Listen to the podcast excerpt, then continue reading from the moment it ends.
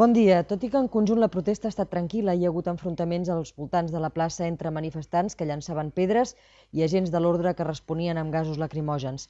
En una de les càrregues, un militant d'un dels partits convocants de la protesta ha mort asfixiat.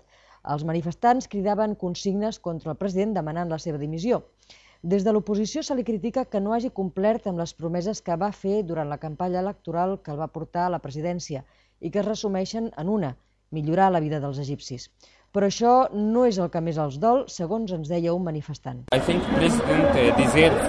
És cert que necessita temps, perquè només fa 4 o 5 mesos que és al càrrec.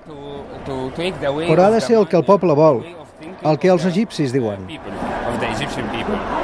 el que ha fet és intentar controlar-ho tot.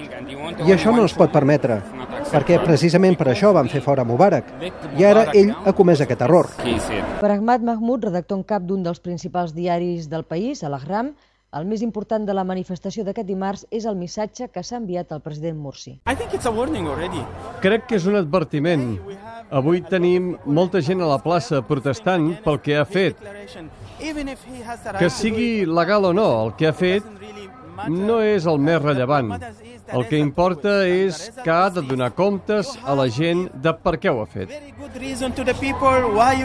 No es descarta, sinó tot el contrari, que les protestes continuïn els pròxims dies, ja que sembla que ni uns ni l'altre estan disposats a cedir.